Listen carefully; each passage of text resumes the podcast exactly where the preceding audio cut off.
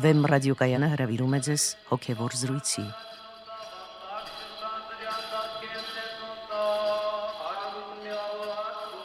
Սիրելի ունկնդիրներ, Վեմ ռադիոկայանի եթերում են արժանապատիվ Տեր Մեսրոբ Քահանա Արամյանը եւ Մանուկ Երգենյանը։ Այսօր մեր զրույցի թեման արտաքսման Կիրակին է։ Օրհնեցեք Տեր հայր։ Աստված օրհնի։ Պահոց շրջանում յուրաքանչյուր Կիրակի ունի իր խորհուրդը։ Եկեղեցին ունենալով մարդու հոգեբանության խորը ներմբռնում, մարդկային իմացության, այսպես կոչված իներցիոնության գիտակցում, իր օրվա խորհուրդների եւ падգամների միջոցով մեզ այս շրջանում փորձում է մտցնել ապաշխարության մթնոլորտի, ապաշխարության տրամադրության մեջ։ Մեր ապաշխարության պատմությունը սկսվում է մեր անկման պատմությունից։ Պաքի երկրորդ կիրակին կոչվում է արտաքսման կիրակի, երբ մենք հիշում ենք մարդու դրախտից արտաքսումը։ Այս կետից սկսվում է մարդու ողբերգության պատմությունը։ Կատարյալ վիճակից անկումը մարդուն միշտ մղում է դեպի այդ վիճակ վերադարձի։ Սակայն նախ առաջանում է ինչուի խնդիրը։ Ինչու սա կատարվեց ինձ հետ։ Ինչու ինձ հետ։ Սա մարդկային հիմնարար հարցադրումներից է։ Տեր հայր, փորձենք խորհրդացել այս հարցադրման շուրջ։ Ինչու Աստված արարչագործության մեջ թույլ տվեց մեղքի եւ անկման հնարավորությունը։ Դա նախախնամության ծրագիր էր առողջության մեջ ազատության եւ որպես դրա բարձրագույն դրսեւորման, այն է մարդու ազատ կամքի դրսեւորման հետևանք, թե մեկ այլ բան, որը միգուցե նույնիսկ չարժե փորձել ըմբռնել, քանի այն վեր է մարդկային հասկացողության հնարավորություններից։ Իհարկե, ինչե վերջ հասկանալ այդ անկման բուն էությունը եւ հասկանալ թե դա ինչպիսի փոխհարաբերության մեջ է աստվածային նախախնամության եւ մարդու ազատության սկզբունքի հետ հնարավոր չի մինչև վերջ parzabanել այդ խնդիրը բայց համաձայն աստվածաբանության մենք գիտենք որ մարդը արարվել է կատարելապես ազատ աստծո կողմից եւ միևնույն ժամանակ մենք գիտենք որ աստծո նախախնամությունը այսինքն մարդու մասին Աստծո համապարփակ իմացությունը ոչ միայն մարդու մասին, այլ ընդհանրապես արարչության մասին, իրար հետ հակասության մեջ չեն եւ Աստծո նախախնամությունը ոչինչով չի կաշկանդում մարդու ազատությունը։ Օրինակ բերենք այս աշխարից, ինչպես մի գիտնական գիտությամբ կարող է իմանալ իրերի այս կամ այն ելքը, ելնելով գիտական օրինաչափություններից եւ նրա իմացությունը, այսինքն այդ օրենքների իմացությունը ոչ մի ձևով չի կաշկանդում ֆիզիկական մարմինների ազատ գործունեությունը, ապա այդպիսի մի անալոգիայով թերևս մենք կարող ենք մոտենալ մարդու ազատության եւ Աստծո նախախնամության այս երկու սկզբունքների փոխհարաբերության, այսինքն դրանք միմյանց չեն կաշկանդում։ Բայց Աստված գիտեր, որ մարդ ընկներ։ Բայց Աստծո գիտությունը ոչինչով չի սահմանափակում մարդու կամքի ազատությունը։ Այսինքն շատ մարդիկ այս հարցը տալով ասում են քանի որ Աստված գիտեր ինչու չսահմանափակեց այդ դեպքում ինքնին արարչությունն է դառնում անիմաստ ամբողջ արարչության հիմնարար սկզբունքը, որ դրված էր արարչության հիմքում, դա ազատությունն էր, կամքի ազատությունն էր եւ այդ ազատության մեջ նաեւ տրված էր մարդուն պատվիրան մնալու այդ ազատության մեջ, չկորցնելու այդ ազատությունը։ Այլ կերպ ասած, Աստծո պատվիրանը մարդուն ուղված, որ ասում է այս ծառից չպետք է ուտես, չպետք է ճաշակես։ Եթե փորձենք մի փոքր այսպես կրոնափիլիսոփայական ձևակերպում դրան տալ, այսինքն Աստված նաեւ մարդուն տվեց պատվիրան, որ մարդը չկորցնի իր ազատությունը ինչ-ինչ կեղծ սկզբունքներից ելնելով, կեղծ սկզբունքների վրա հիմնվելով չկորցնի ազատությունը։ Փաստորեն դեր առողջության մեջ ամենակարևոր սկզբունքը ազատության սկզբունքն էր։ Այո, եւ հենց ան... հենց ազատությունը։ Որովհետեւ դա հենց աստվածանմանության սկզբունքն է։ Մենք այստեղից կարող ենք գալ հենց այն պնդմանը, որ աստվածանմանությունը երբ որ մենք ասում ենք աստվածանմանություն, նախ եւ առաջ հասկանում ենք ազատություն Եվ ազատություն ասելով էլ մենք չպետք է սահմանափակվենք զուտ ազատություն ինչ որ մի բանից։ Սա սխալ մոտեցում է ազատության խորհրդին։ Շատ կենցաղային մոտեցում է այլ ազատություն հանուն ինչի եւ ինչի մեջ ազատություն Աստծո մեջ այնտեղ որտեղ որ Աստծո հոգին է այդպես է ուսուցանում մեզ Սուրբ Գիրքը այնտեղ ազատություն է այսինքն կատարյալ ազատությունը դա իրագործում է Աստծո մեջ Աստծո մեջ կյանքով եւ հենց մարդը կորցնում է ազատությունը նաեւ կորցնում է ճշմարիտ հաղորդակցությունը Աստծո հետ եւ դրա համար անկման ամբողջ պատմությունը մենք կարող ենք բնութագրել ազատության կորուստ եւ փրկagorցության ամբողջ պատմությունը մենք կարող ենք բնութագրել որպես ազատության վերականգնում մարդու ճշմարիտ հոգեվոր ազատության վերականգնում Եվ այդ ազատությունը նաև իր մեջ ենթադրում էր Աստծուց հրաժարվելու հնարավորություն։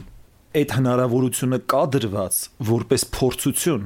ճշմարիտ ավելի կատարյալ ազատությունը իրագործելու համար այսինքն ադամական վիճակը եկեղեցու հայրերը չեն բնորոշում որպես ամենակատարյալ վիճակ դա տրված էր որպես պոտենցիալ վիճակ ավելի բարձրին հասնելու համար այսինքն ադամի համար դրված էր նաև ընտրություն ավելի կատարյալը գնալու Եվ նաև իհարկե, եթե կա ընտրություն դեպի ավելի կատարյալը գնալու, ուրեմն նաև կար ընտրություն ավելի կատարյալից հրաժարվելու։ Ուրեմն Ադամը շարժվեց երկրորդ ճանապարհով։ Պաստորեն հենց առողջության սկզբից դրված էր որոշակի դինամիզմ առողջության մեջ։ Իհարկե։ Զարգացման նաև հնարավորություն էր դրված եւ Պաստորեն Աստված ինչ որ չափով սահմանափակում էր իր գործունեության, այսպես ասած, ոլորտը, թույլ տալով, որ ազատության ոլորտ ունենա նաև իր կողմից արարված արարածը, որպեսի այն ինչ որ որ այդ արարածը պիտի ձեռք բերի, այն ինչ որ պետք է ունենա, դա ճշմարտապես իրենը լինի, ոչ միայն որպես արարչագործությամբ տրված մի պարգև, այլ նաև դա լինի ներքին ֆունդամենտալ ձգտում, օրինաչափություն մարդու համար։ Դերեր, իսկ արդյոք դա շատ ավելի կարևոր է մարդու համար, քան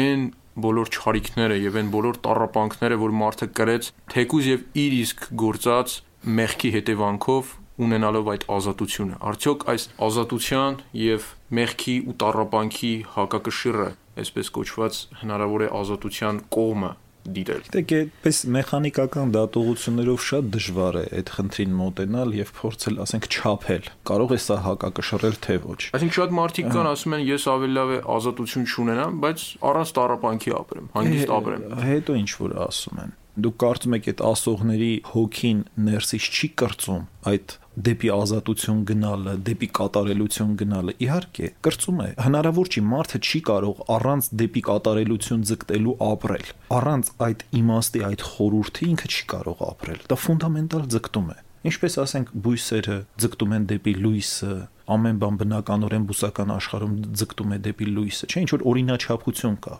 Ձգտում են դեպի լույսը, այդպես էլ մարդու հոգին ձգտում է դեպի աստվածության լույսը, դեպի կատարելությունը։ Եվ սա ամեն ինչի մեջ է արտացոլված, ամեն ինչի մեջ։ Գիտեք, իհարկե նաև մարդկային կյանքում ահավոր ճնշումով գործում են դեստրուկտիվ ուժեր, օրինակ մեղքի ուժը, չարի օրենքը, որը դեր թափանցել է մարդու ամբողջ էության մեջ, խեղդում է մարդու հոգին, որպեսի թույլ չտա, որ մարդը հանկարծ մտածի կատարելության մասին, բայց ամբողջ աշխարհը խեղտած լինելով, նստած լինելով չարը, միևնույնը չի կարողանում այդ լույսը մարեցնել մարդու միջից չի կարողանում։ Եթե մենք անգամ նայում ենք համաշխարհային պատմության վրա եւ նայում ենք մարդկության այդ բոլոր, այսպես ասած, լուսարցակումների վրա պատմության մեջ, մենք տեսնում ենք, որ ի վերջո դա մի ֆունդամենտալ օրինաչափություն է մարդկային կյանքի պատմության մեջ արձանագրված։ Մարդու սիրտը ծառավի է Աստծո այդ երկնային աղբյուրին։ Մարդը ձգտում է դրան, դա չես կարող հանգցնել։ Եվ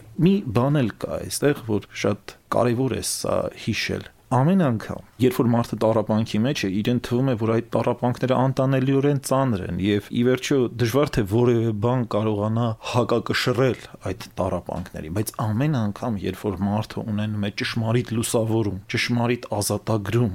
ամեն անգամ, երբ որ մարդու հոգին լցվում է Աստծո շնորհով, իր համար այդ ամբողջ տարապանքը ոչինչ է դառնում։ Այդ վարքյանի համեմատությամբ դառնում է ոչինչ ու ինքը հասկանում է, որ այ սա էր այն կետը, որին ես ձգտում եմ։ Ես վերջապես հասա իմ ներքին այդ խաղաղությանը, իմ ներքին ճշմարտությանը, հասա այդ լույսին։ Եվ դրա համար իհարկե արժեր տարապել։ Եվ այդ ժամ ինքը սկսում է արդեն վերաիմաստավորել իր տարապանքը։ Ոչ թե դա ինչ որ մի անիցիալ բան համարել, որից ինքը պետք է ազատագրվեր միայն, որ դա չարիք էր, այլ ոչ, նախորում է ուրեմն ինչ իմաստություն կար, որ ինքը տարապեց, տարապեց եւ հասավ այս ճշմարտությանը։ Ուրեմն այդ ամենը եղել է ոչ թե ինչ որ պարզապես չարիք, այլ ինչ որ ճանապարհ է եղել, հնարավորություն է եղել իր համար եւ ինքը այդ ամենի վրա արդեն նայում է լրիվ ուրիշ աչքով։ Դերեր, անդրադառնանք մեղքի էությանը։ Ինչ կատարվեց։ Որն էր մեղքի էությունը, ինչումն էր մարդու մեղքը։ Եվ վերջո դրվեց արգելք մարդու համար դրախտում եւ մարդ չկատարեց դա։ Որն էր այդ մեղքի էությունը։ Մարդը խախտեց ուրեմն այդ ազատության, Աստծո տված ազատության հիմնական սկզբունքը խախտեց առավել կեղծ ազատություն փնտրելով։ Նրան թվաց, թե այն ինչ որ որ չարը իրեն ասում է, դա է ճշմարիտ ազատությունը։ Այսինքն ճշմարիտ ազատությունը նրանումն է կայանում, որ դու Աստծո օրենքը խախտես, բայց իրականության մեջ ազատությունը ունի միմիայն մեկ ուղղություն, եւ ինքը ուղված է առ Աստված։ Մենք Աստծո օրենքը կատարելով է, որ մենք կարող ենք ճշմարտապես հասնել ազատության։ Իրագործել մեր մեջ ազատությունը հակառակ ճանապարհով գնալիս։ Դա արդեն կեղծ ազատության ճանապարհ, որովհետև մեր հոգին բռնվում է եւ փակվում է։ Մենք կորցնում ենք ազատությունը եւ մեր ընտրելու հնարավորությունը այդ դեպքում աշխատում է ընդդեմ մեզ, մեր հոգու բռնադատում է մեր հոգին, ոչ թե ազատագրում է։ Եվ դրա համար այդ ազատության սկզբունքը մեկնաբանելիս պետք է շատ զգուշ լինել։ Ազատություն չի նշանակում ամենաթողություն։ Ազատություն նշանակում է ճշմարտության ընտրություն։ Դա տրված է ճշմարտությունը ընտրելու համար հեռանալ չարից եւ ճշմարտությունը ընտրել եւ ոչ թե չարը եւ բարին հավասարապես ընտրել դա չէ ազատությունը դա ազատության այն սխալ ըմբռնումն էր որը չարը դրեց մարդու մեջ եւ որը այսօրվա դեմոկրատական ընդհանրապես աշխարհայացքում քարոզվում է որ ես էլ կարող ես ես էլ կարող ես բայց եթե կարող ես ելքը ինչպիսին է լինելու դու ինչ հոգևոր օգուտ ես դրանից քաղելու սա շատ կարևոր հարց է եւ ըստ էության փրկապանական հարց է զանազան մեկնաբանություններ կան ընդհանրապես մեղքի էության, սկզբնական մեղքի էության։ Տարբեր բաներ են ասում հայրերը, տարբեր այսպես մոտեցումներ են ցույց տալիս, բայց այս ազատության սկզբունքով շարժվելը շատ օգտակար է հասկանալու համար, թե մարդը ինչ կորցրեց եւ ինչ ձեռք բերելու հնարավորությունից զրկվեց։ Մյուս կողմից ասում են, որ դա մարդու հպարտությունն էր Իհարկե հպարտությունը ինքը շատ այսպես կոնցեպտուալ արտահայտություն է այստեղ։ Պետք է հասկանանք, թե այդ հպարտություն ասվածը ինչպես դրսևորվեց։ Հպարտության մեղքը արդեն արկա էր արարչության մեջ։ Բայց ինչպես էր արկա։ Այսինքն ինչ ուզես չարը անել։ Ոնց հասկանանք այդ ըմբոստությունը։ Ի վերջո, པարզ է, որ արարչության մեջ այդ երկնային դասերի մեջ տեղի էր ունեցել մի խռովություն, այսինքն Աստծո օրենքի խախտում, այսպես ասենք, որը բնորոշվում է հպարտություն եզրով Տերեր, փաստորեն Աստծո օրենքը խախտած աշխարհի մեջ ստեղծվեց մարդ։ Մարդ ստեղծվեց արդեն այն աշխարհում, որտեղ մեղքը կար արդեն։ Ոչ, ոչ այդպես չի եղել։ Մեղքը հետո է մտել։ Բայց չէ որ սատանան արդեն հպարտացել էր։ Բայց դա անմիջապես չէր եղել։ Այսինքն դա մարդու արարումից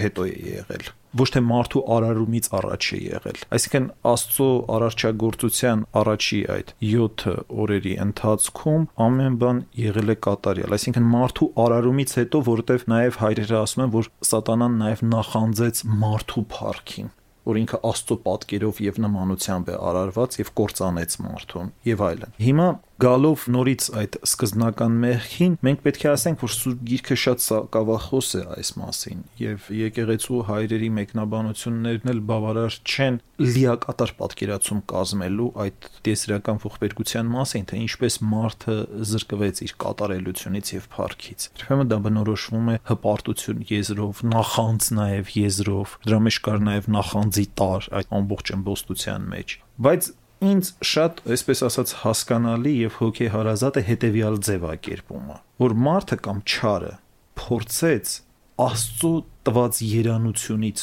դուրս երանություն փնտրել կամ ճշմարտություն փնտրել առանց Աստծո։ Ինքը փորձեց կառուցել իր աշխարհը առանց Աստծո Եվ ամեն անգամ այդ նույն սխալը մարդը կրկնում է իր կյանքում։ Ամեն մարդու կյանքի մեջ, եթե մենք ուշադրություն դարձնենք, կա այդպիսի մի սիստեմատիկ սխալ։ Նշանակում է, որ այդտեղ ինչ որ սխալ կա համակարգային։ Ամեն անգամ մարդը փորձում է Աստծուց դուրս իր համար դրախտ կառուցել Աստծուց դուրս երանություն փնտրել, Աստծուց դուրս աշխարհ գտնել եւ ասել, որ սա իմ աշխարհն է։ Եվ ամեն անգամ, երբ որ մարդը այդ ճանապարհով շարժվում է, ինքը հանգում է դատարկության, ինքը տեսնում է, որ չկա այդպիսի աշխարհ։ Աստծուց դուրս ամեն բան անիմաստ է եւ ոչինչ չի կարող քեզ գոհացում պատճառել, ինչ էլ անես, քո սիրտը գոհացում չի ստանալու, քո սիրտը չի հասնելու խաղաղության, քո սիրտը չի հասնելու երանության, որովհետեւ դու կապված ես երանության ու սիրո աղբյուրի հետ։ Բայց այդ սիստեմային սխալը, համակարգային այդ սխալը անընդհատ մարդը թույլ է տալիս իր կյանքում։ Հիմա մարդ թույլ տվեց այդ սխալը արտաքսվեց։ Ինչ անի մարդ, որն է վերադարձի ճանապարհը։ Ինչ տեղի ունեցավ։ Աստված ի վերջո տվեց օրենքը, բայց փաստորեն օրենքը մի տեսակ անզոր գտնվեց մարդկային այդ արդեն խեղաթյուրված բնությունը բարձրացնելու եւ տրվեց նոր օրենքը։ Ինչու՞ն էր տարբերությունը, ինչու նոր օրենքը ավելի կատարյալ էր եւ ավելի զորու էր փոխելու մարդկային բնությունը, քան հինը։ Հին օրենքը նախ եւ առաջ մարդուն տրվեց որպես նախապատրաստություն։ Եթե մենք նայում ենք հին օրենքի ամբողջ էության վրա, դա ըստ էության առանց այդ մեսիական սպասման, առանց փրկչի սպասման, այդ հին օրենքը ոչ մի իմաստ չունի ասվում է, որ Աստված նախապատրաստեց մարդու համար այնպիսի մի բան, ինչ որ մարդու աչքը չտեսավ, ականջը չլսեց եւ մարդու սրտի մեջ չընկավ։ Այսինքն մի բան, որը մարդը չէր էլ կարող պատկերացնել։ Եվ իսկապես դա այդպես է։ Եթե մենք փորձենք համեմատել հին եւ նոր օրենքներ, նախ դրանք անհամեմատելի են, ասեմ, եւ իսկապես նոր օրենքը Քրիստոսի բերած փրկagorցությունը ինքը ոչ մի ձևով չի բխում հին օրենքից, թեպետ հին օրենքի մեջ կա այդ սпасումը։ Իսկ եթե մենք նայենք ամբողջ ավետարանական ուսուցման վրա մենք տեսնում ենք, որ սա իսկապես լույս է, լույսի մեջ, հայտնություն հայտնության մեջ, սա մի բան է, որը մարդկության պատմության զարգացումների ոչ մի օրինաչափությամբ պայմանավորված չէ։ Սա իսկապես բուն հայտնությունն է մեր Տեր Հիսուս Քրիստոսի հայտնությունը, որտեղ չկա այդպիսի լույս, չկա այդպիսի իմաստություն, չկա այդպիսի սեր հին աշխարհում։ Նույնիսկ հին կտակարում չկա դա։ Եվ անկամ եթե մենք ուշադրությամբ կարդանք Լեռան Քարոզը,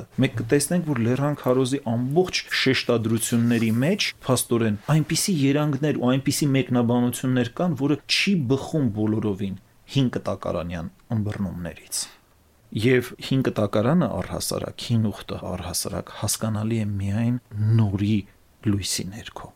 Դրա համար մարդիկ երբ որ Սուրբ Գիրքը կարդում են, պետք է սկսեն նոր կտակարանից, անպայման ավետարաններից։ Ինչեւ մարդը նոր կտակարանը չկարդա, պետք չի հինը կարդա, որտեղ միայն նորի լույսի տակ, այդ փրկagorցության լույսի տակ կարելի է ճիշտ հասկանալ հին կտակարանյան այդ զարգացումների օրինաչափությունները։ Մենք դա անվանում ենք ստվերակերպ պատմություն ստվեր էր, որտեվ չկար դեր ճշմարիտ անստվեր լույսը չէր հայտնվել, որ Հիսուս Քրիստոսն է։ Դեմար դա ստվերակերպ ընթացք է եւ նախապատրաստություն է եւ ըստ էության այնտեղ լիակատար մակրում լինել չէր կարող,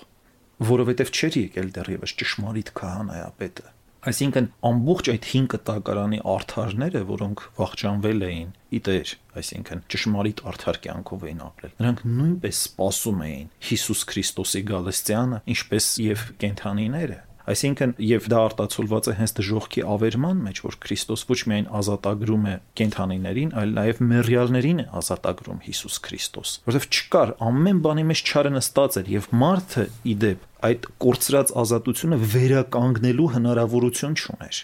Ժամանակ առ ժամանակ մարդկանց տրվում էին աստվածային падգամներ Աստծո այդ ճշմարտությունը հայտնվում էր։ Բայց դա հայտնվում էր որպես Աստծո ճշմարտություն, ոչ թե մի ֆունդամենտալ գոյաբանական բան, որ մարդու սեփականությունն է, որ իրենն է։ Դա միմիայն հնարավոր էր Աստծո մարդացումով, երբ որ Աստված մեզպես մարդ դարձավ եւ հոգեվորը դարձավ գոյաբանական հատկություն այդ ազատագրումը դարձավ մարդու հոգում ֆունդամենտալ իրողություն սեփականությունը դարձավ մարդու այսինքն աստված ասում ենք մարդացավ որպեսի մարդն աստվածանա այլ կերպ ասած աստվածային իրողությունը թանձրացավ մարդկային բնության մեջ դարձավ շոշափելի, ասում եմ, եւ մենք տեսանք եւ շոշափեցինք կենաց բանը։ Ուրեմն ամբողջ այս 5 կտակարանյան պատմությունը, այս տվերակերպ պատմությունը նախապատրաստություն է նոր ուխտի։ Նախապատրաստություն է Քրիստոսի ազատությունը ընդունելու։ Դա ազատության նախապատրաստության պատմությունն է ըստ էության։ Եվ թե ինչու այդպես շարժվեց մարդկությունը եւ ինչ նախախնամություն կար դրա մեջ, սա այլ հարց է։ Այսինքն մարդկային բնության վերականգնումը այնքան էլ դյուրին մի process չէ եւ նամանավանդ այդպիսի սոսկալի աղավաղումներից հետո որ կրեց մարդկային բնությունը պետք էր նախապատրաստություն եւ այդ նախապատրաստությունը նաեւ պետք էր նրա համար որ մենք նույնին չէինք վերադառնալու այլ Հիսուս Քրիստոսով տրվեց ավելի մի կատարյալ վիճակ։ Դա շատ հետաքրքիր միջայլոց կետ է։ Փաստորեն բարարչության մեջ դրվեց մի հետաքրքիր դինամիզմի սկզբունք։ Կար որոշակի երանելի վիճակ, հետո անկման մի վիճակ, որից հետո նոր մի վիճակ, որը երանելի վիճակ է նորից, սակայն ավելի կատարյալ վիճակ է, ավելի բարձր վիճակ է, քան այն նախնական երանելի վիճակը։ Պաստորեն առարչության մեջ նաև դինամիզմի սկզբունք կա։ Իհարկե, եւ նաև Ադամով տրված էր ընտրություն ոչ միայն Ադամին, այլ համայն մարդկությանը Եվ ուստի այդ փրկagorցությունն էլ, որ պիտի տրվեր մարդկությանը, պետք է տրված լիներ ոչ թե մեկի, այլ պետք է տրված լիներ համայն մարդկությանը եւ դա տրվեց Հիսուս Քրիստոսով նոր Ադամով եւ արդեն այդ փրկagorցությունը անբաժանելի է մարդկային բնությունից դա տրված է մի անգամ եւ մեկընդմիշտ այսինքն երբ որ ասում ենք որ Քրիստոս խաչվեց չարչարվեց մեր մեղքերի համար եւ խաչի վրա իր հավիտենական պատարակը մատուցեց նա մատուցեց մեզանից յուրաքանչյուրի համար եւ մեզանից յուրաքանչյուրը հնարավորություն ունի Աստծո որդու փրկagorցությամբ եւ իր հավատքով հասնելու այդ ազատությանը։ Դեր միգուցե ավելի խորը այս ըմբռնումը մեզ բացատրեիք, մեղք գործեց։ Մենք ինչ կապ ունենք այդ մեղքի հետ։ Եվ Քրիստոս եկավ բուժելու մենք ինչ կապ ունենք այդ դրա հետ այս կապը ինչպես է բացատրվում ուրեմն նորից եմ ասում ադամական մեղք հասկացողությունը ինքը անհատական մարդու մեղք չէ շատերը սխալ են հասկանում, որ Ադամը գործեց, մենք ինչ կապ ունենք։ Ադամով տրված էր ընտրություն համայն մարդկությանը եւ ադամական վիճակ ընդհանրապես ադամի վիճակ հասկացողությունը եւ մեր այս մարդկային այս կյանքի հասկացողությունը դրանք տարբեր հասկացողություններ են կար նախահայր որը Աստծո հետ մասնակցեց արարչագործությանը եւ Աստծո հետ մասնակցելով արարչագործությանը իրենով տրված էր ընտրություն իր բոլոր սերունդներին։ Դեր այն որ ասում եք որ Ադամի մեջ բոլորը մեղք գործեցին, դա սիմվոլիզմ է, թե ավելի իրական ինչ որ մի բան։ Չէ, դա սիմվոլիզմ չէ, դա իրական բան է։ Այսինքն Ադամով համայն մարդկության մեջ մտնում է, եթե այսպես փորձենք ընդհանրացած ձևով ասել, սիստեմատիկ մի խախտում իր սերունդների մեջ, ուստի դրա համար պետք էր գար նոր Ադամը, որ իր փրկagorցությամբ, այսինքն իր հավիտենական պատարակով վերացներ այդ սիստեմատիկ խախտման սկզբունքը, բայց նորից առանց բռնանալու մարդու ազատության վրա, այսինքն այդ հաղթահարմանը ամեն մեկը կարող է մասնակցել իր սեփական կամքով եւ ազատությամբ Այսինքն այդ հնարավորությունն է տրվում արդեն մարդուն։ Այն ինչ կորցրել էր մարդը, այսինքն կորցրել էր այդ ազատությունը։ Հիմա այդ ազատության ճանապարհով ավելի կատարյալին հասնելու հնարավորություն է տրվում մարդուն։ Դեր, բայց ստացվում է, որ մեղսագործությունը մի համամարտկային երևույթ էր, բայց փրկagorցությունը արդեն անհատական ճանապարհ է, որովհետև մեկ մեղսագործեց բոլորը դրա տակ ընկան բայց փրկության ճանապարհը նորից ընտրության ճանապարհ է. Այն ով ընտրում է փրկվում է. եւ մեկն էլ եկավ եւ տվեց այդ փրկagorցությունը եւ նորից համայն մարդկության համար եղավ այսինքն ինչպես մեկով հին ադամով մեղքը եւ մեղքի դատապարտվածությունը մտավ մարդկային կյանքի մեջ, այնպես էլ Հիսուս Քրիստոսով նոր Ադամով համայն մարդկության համար։ Բոլոր նրանց համար, ովքեր եղել են, կենթանի են եւ պիտի լինեն, բոլորի համար տրված է փրկության այդ համընդհանուր սկզբունքը եւ հնարավորությունը Հիսուս Քրիստոսով։ Դերեր, միգուցե անդրադառնանք այդ փրկության ճանապարհի ավելի կոնկրետ պրակտիկ դրսևորումներին կոնկրետ քրիստոնյայի համար ինչպես կբնորոշեիք այդ ճանապարհ, այդ արխայության փնտրելու ֆունդամենտալ այդ ձգտման հասնելու ճանապարհները։ Տաթևացին 4 տիպի է բաժանում մարդկանց, նրանք, որոնք ընդհանրապես չեն փնտրում արխայությունը, նրանք, որոնք փնտրում են, բայց չեն գտնում, նրանք, որոնք փնտրում են, գտնում են, բայց չեն պահում, եւ վերջապես այն երջանիկները, որոնք փնտրում են, գտնում են եւ պահում են։ Եկեք խոսենք 4-րդի մասին այդ որոնք են դրանք որն է այդ ճանապարհը չորրորդ վիճակը արդեն դա շատ լուրջ ճանապարհ է շատ լուրջ վիճակ է թերևս պետք է առաջինից սկսել եւ փորձել հասկանալ ինչու մարդիկ չեն փնտրում եւ ինչու են մարդիկ ընդհանրապես այդքան հերացած հոգեվորից եւ ինչի է մեղքի իշխանությունը այդպես նստած մարդու վրա որ երբ որ ասում ենք չեմ փնտրում այսինքն տաթեբացին ասում է չեմ փնտրում ուղղակի իրենց կյանքում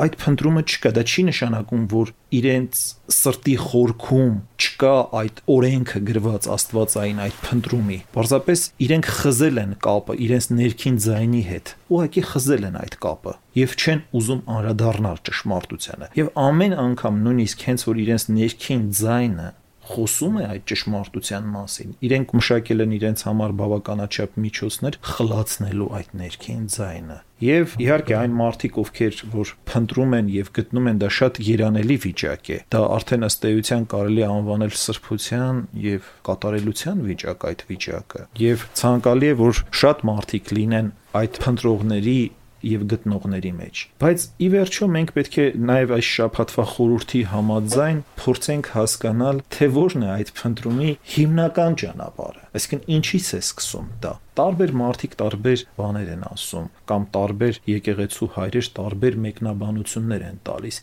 Ինչից է սկսվում հոգեվոր կյանքը մարդու մեջ։ Եթե կարելի է այսպեսի པարս մենք մի խնդիր տնենք, որպեսի մեր ունկնդիրները փորձեն ինչ որ ձևով սա հասկանալ։ Ինչից է սկսում հոգևոր կյանքը մարդու մեջ։ Ինչ է դա։ Ինչ է տեղի ունենում մարդու հետ։ Եվ այս կամ այն կերպ յուրաքանչյուր մարդու հետ կարող է այդ դարձի պահը տեղի ունենալ, բայց ինչ պետք է անի մարդը, որ դա պահի։ Եկեղեցու որոշ հայրեր ասում են, որ ճշմարիտ սկիզբը Աստծո երկյուղն է, Սուրբ Գիրքն էլ է այդպես ասում, որ Աստծո երկյուղով է սկսում։ Ոմանք ասում են աշխարից հրաժարվելն է, ոմանք ասում են սկիզբը խոնարհության մեջ է։ Տարբեր բացատրություններ կան, թե ինչպես սկսել հոգևոր կյանքը բայց համաձայն եկեղեցու ուսուցման կա մեկ հիմնավոր եւ հիմնարար ճանապարհ։ Դա ապաշխարության ճանապարհն է, մեղքի գիտակցության ճանապարհն է։ Եվ եթե մենք ձևակերպելու լինենք, թե ինչպես է սկսում հոգևոր կյանքը մարդու մեջ, ինչքան էլ զարմանալի լինի այս բնդումը, ես կարող եմ ասել, որ հոգևոր կյանքը մարդու մեջ սկսում է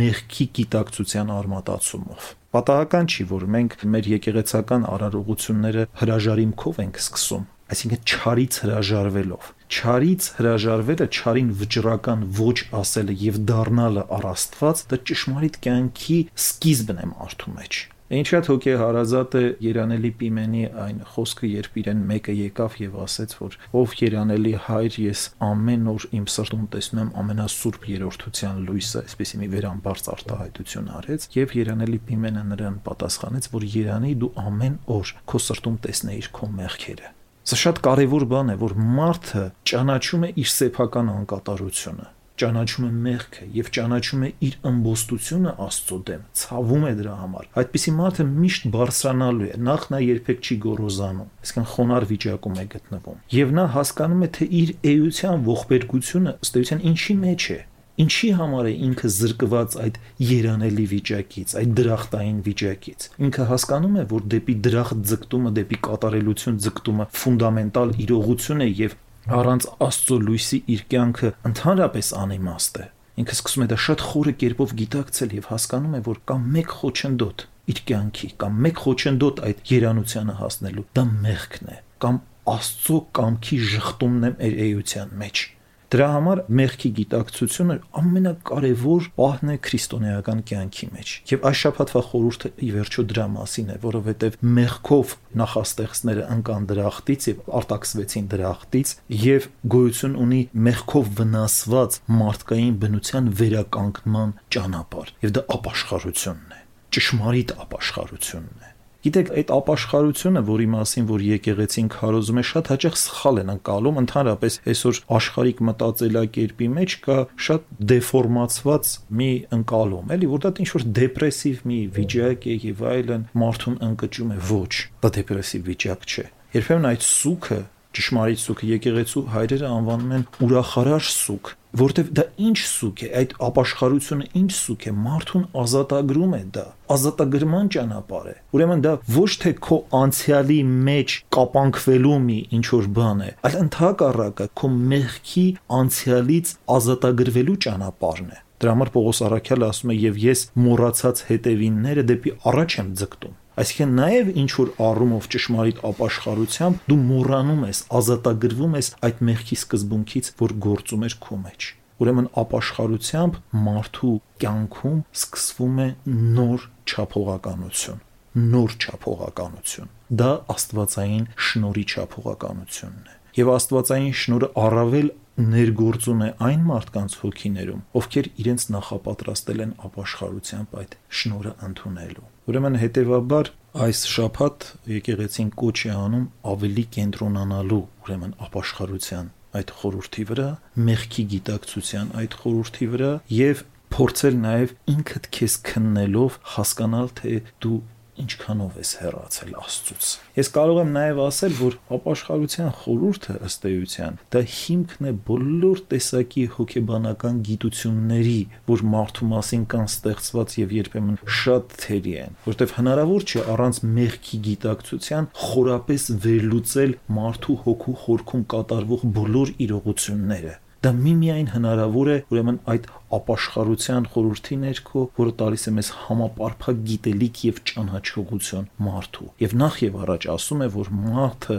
ապ երջանիկ արարած է առանց Աստծո դժբախտ արարած է առանց Աստծո։ Եվ երանության ճանապարհը, ուրեմն այդ մեղքից ազատագրումն է եւ միավորումն է մեր Տեր Հիսուս Քրիստոսին։ Եվ ամեն անգամ ես ուզում եմ, որ մեր ունկնդիրները հասկանան, որ մեղք գործելը դա ինչ-որ կատակ բաներ չեն, այսինքն մենք չենք խոսում ինչ-որ հաց ուտել կամ չուտելու մասին, քնելու կամ չքնելու մասին, այսպիսի բաների մասին մենք չենք խոսում, այլ ամեն անգամ մենք մեղք գործելով գնում ենք մեր փրկagorցության դեմ։ Հիսուս Քրիստոսի խորհրդի դեմ ենք գնում, որ մեր մեղքերի համար խաչվեց։ Եվ եկեղեցու հայրերն ասում են ամեն անգամ մեղք գործելով մենք մասնակից ենք լինում մեր Տեր Հիսուս Քրիստոսի խաչողներին, խաչակից ենք լինում, այսինքն ավելացնում ենք մեր Տեր Հիսուս Քրիստոսի չարչարանքները մեր մեղքերով։ Չէ՞ որ նա մեր մեղքերի համար չարչարվեց։ Եվ յուրաքանչյուր մարդ պետք է խորհի սրա մասին։ Ասի Տեր, դու իմ մեղքերի համար ես չարչարվել, եւ ես իրավունք չունեմ ին որևէ արարքով քո չարչարանքներդ բազմացնեմ։ Շնորհակալություն, Տեր հայր, Թույլ տվեք սրանով եզրափակել մեր այսօրվա զրույցը։ Սիրելի ունկնդիրներ, ձեզ հետ էին արժանապատիվ Տեր Մեսրոպ Քահանա Արամյանը եւ Մանուկ Երգինյանը։ Օրհնեցեք Տեր հայր։ Աստված օրհնի։